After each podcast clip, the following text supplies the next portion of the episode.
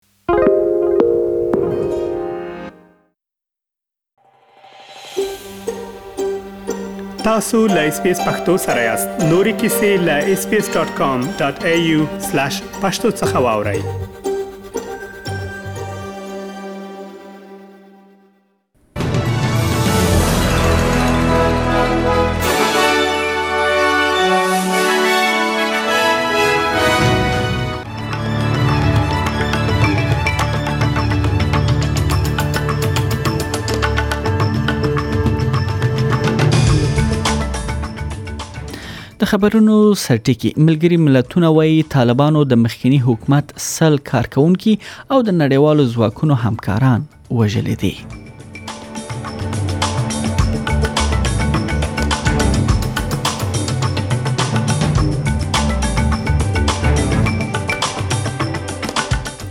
بلخوا حکومت اعلان وکړ چې د زړو کسانو مرکزونو کې چې کوم کسان کار کوي او یا کارکونکي دي هغه ته به یو ځل 800 ډالر ورکول کیږي او دا د لپاره چې د کرونا وبا دوران کې یا سخت وخت کې دوی دغه برخه کې کار کړی دی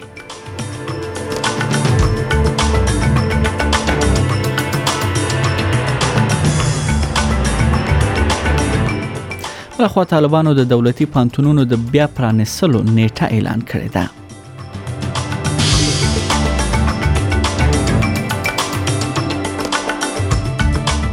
او د امریکا لومړي او بخې د انګلستان لومړي وزیر بوریس جانسن د کرونا وبا محدودیتونو ماتولو په اړه له راپور خبرېدو وروسته له ټولو بخنه غوښتې ده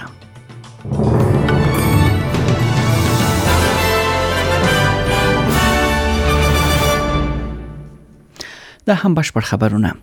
د راپورونو لمخې طالبانو او د هغوی متحدینو په سلګونه پخوانی افغان چارواکي د امنیتي ځواکونو غړي او هغه کسان وژلي دي چې د امریکا په مشرۍ له وټلو راهیسې یې له نړیوالو ځواکونو سره کار کاوه دا وژنې د ملګرو ملتونو د عمومي منشي انټونیو ګوترس لخوا د ملګرو ملتونو امنیت شورا ته په راپور کې مستند شوی دی دغه راپور د اگست په میاشت کې د طالبانو د نیولو سره د جګړې پای ته رسیدو سره سره د انتقام بریدونو او د هیواد د 19 میلیونه خلکو لپاره د ژوند د خراب وضعیت انزور هم انزوروي چې دغه راپور یعنی امنیت شورا ته وړاندې شو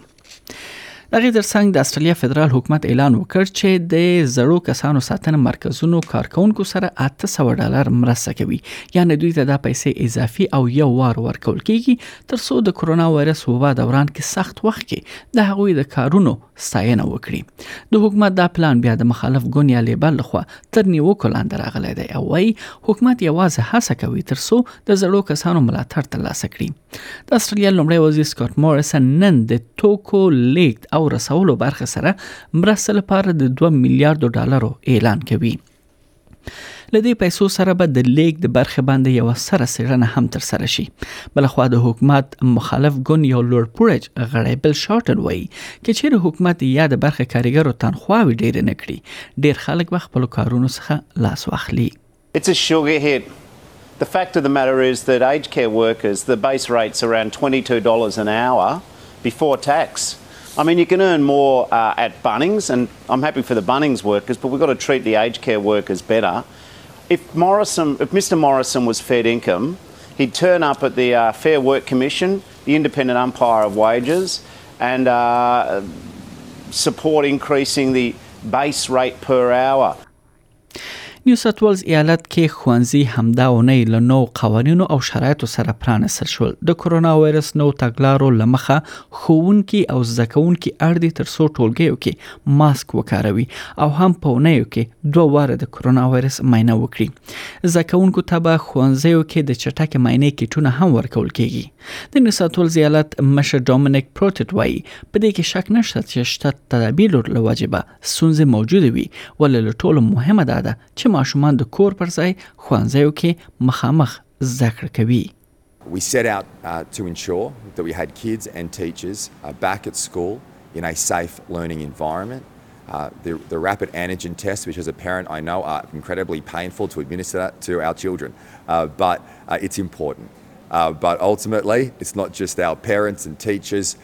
and everyone right across the state who's made efforts and sacrifices, it's our kids too. بلخوا طالبانو د دولتي پانتونونو د بیا پرانستلو نیټه اعلان کړې ده د طالبانو د حکومت د لوړو زده کړو وزارت اعلان وکړ چې د افغانستان په ګرمو ولایتونو کې به حکومتي پانتونونه د سلواغې پر 13 نیټه یعنی را روانه چهارشنبه پرانستل شي د طالبانو د حکومت د لوړو زده کړو وزیر مولوي عبدالباقي حقاني په یو ویډیوي پیغام کې ویلي دي چې همدغه راز به په سړو ولایتونو او سیمو کې به پانتونونه د کپ په ومه نیټه پرانستل کیږي خغله حقاني وایي چې په پانتونونو کې به د کال د وروسي سمستر ازموینې د کپ په ومه نیټه پیل او د دغه میاشت تر پایه پورې روان وي خو تر دغه آزموینو مخکې به دریونې درسونه ویل کیږي همدغه راز د یو نوي پلان لمخه د سړیو سیمو یا د سړو سیمو د پانتونونو آزموینه به د حمل د میاشت په لومړی نیټه پیلېږي او 15مه نیټه باندې به ختميږي په دې تړاو په خبرونه کې ورسره تاسو رپورت لرو چې له کابل څخه را لېږل شوی دی هغه هم له تاسو سره شریکوم بلخوا د طالبانو کابینې ویلي دي د بهرنیو چارو وزارت د هغو کارکونکو معاشونه ورکوي چې له هواده بهر افغانستان په سفارتونو او دیپلوماټیکو اساسولیو کې دند تر سره کوي د راپورونو لمخې تیر کال اگست میاشت کې د طالبانو لو واک ته رسیدو وروسته بهرنیو هوادونو کې د افغانستان سفارتونه د بودیجې برخه کې لسونز سره مخ دي د طالبانو ویان مرسیال انعام الله سمنګانی ویلي دي د یعنی یک شنبه پر ورځ کابینه په غونډه کې د طالبانو د رئیس الوزرا مرسیال عبدالسلام حنفي په مشرۍ جوړه شوې غونډه کې د بهرانیو چارو وزارت د هغو کارکونکو د ماشونو ورکړه چې په بهر کې خدمت کوي د تیر په سیر تصویب شوې ده البته ویل کیږي چې دغه ماشونه به دوی ته ورکول کیږي بلخوا که لاړ شو انګلستان ته د بریتانیا لومړي وزیر بوریس جانسن د کرونا وبا د قرنطین پر مهال په خپل کور او کاري دفتر کې د ملمسیاو لامل بخنه وغوښته او زیاته کړې ده چې لدې وروسته به دفتري چارې ښې کړي پر نوموړي لسه مودې راهیسې د مخالف کارګر ګوند او د خپل ګوند ځینې غړي نیوکه کوي چې کرونا او بعد قرنطین پر مهال د لومړي وزیر دفتر کې ملمسیاوي یعنی کړې دي په دې اړه ل خبر شوی راپور وروسته د بریتانیا لومړي وزیر د دغه هیواد له پارلمانه بخنه وغوښته او زیاته کړه دا غسل عمل بخنه غواړم چې مونږ سم نه دي تر سره کړی او همدارنګه د دې مسلې د حل کولو د سرنګوالي په اړه بخنه غواړم بلخوا د اوکراین په پوله د مسکو د پوځي تاسیساتو په اړه د متحده ایالاتو او روسیې ترمنځ ساوتریخوالی د ملګرو ملتونو امنیت شورا ته رسیدلی دی د روسیې سفیر په متحده ایالاتو تور ولګاوه چې د میګافون ډیپلوماسي څخه کار اخلي وروسته له هغه چې د دې موضوع په اړه د عامه غونډې د ترسره کولو د هڅې مخه ونیسي د 15 غړو هیوادونو څخه لاسو په نیویارک کې د آزادو خبرو اترو په حق کې رائے ورکړه روسي او چین یې مخالفت وکړ او درې غیر حاضر ول په ملګرو ملتونو کې د متحده ایالاتو سفیره لیندا توماس وایي چې وضعیت بیړنی دی We continue to believe there is a diplomatic path out of the crisis caused by Russia's unprovoked military buildup. We're working to pursue diplomacy in every possible venue. But we also know that diplomacy will not succeed in an atmosphere of threat and military escalation.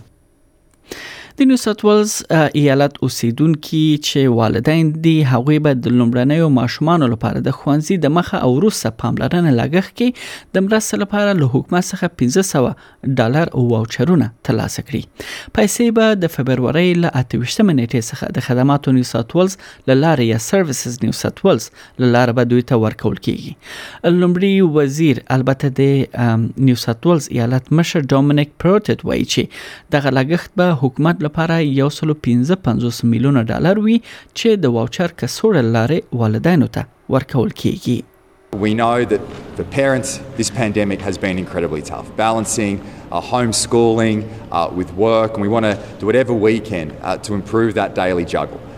so, uh, this announcement today, uh, this $500 voucher, will put a downward pressure on family budgets, but importantly, help mums and dads balance work and family life.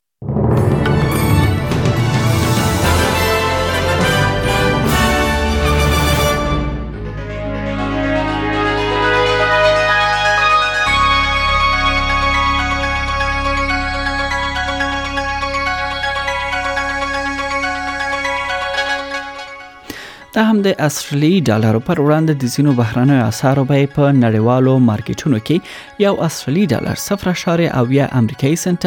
0.28 یورو سنت یو اصلي ډالر 2.18 افغاني روپی یو سل پنځه ویش پاکستاني روپۍ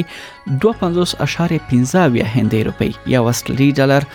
2.95 اماراتي درهم او هم 0.9 اتیا انګلیسي او بخې 0.25 انګلیسي پنسه ارزښت لري دا هم د استرالیا د ځینو ښارونو نن لپاره د تودوخې تر ټولو لوړه درجه هغه هم د سانتیګریډ په کچه سیدنی کې هوا باراني ده یو دیرش په ملبورن کې هوا باراني سلیریشت په برزبن کې هوا ګرمه ده پنځه دیرش په پرت کې هوا لمریزه ده دوه دیرش په اډلیډ کې اسمان برګ دی سلیریش په هوبر کې هوا باراني ده نو هلته لوړه درجه شپږوش سانتیګریډ اټکل شوې ده په کمبيرا کې هوا باراني دیرش او په اخر کې داروین هلته باران او د طوفان اټکل دی او د تودوخه تر ټولو لوړه درجه یو ډیر سانتیګریډ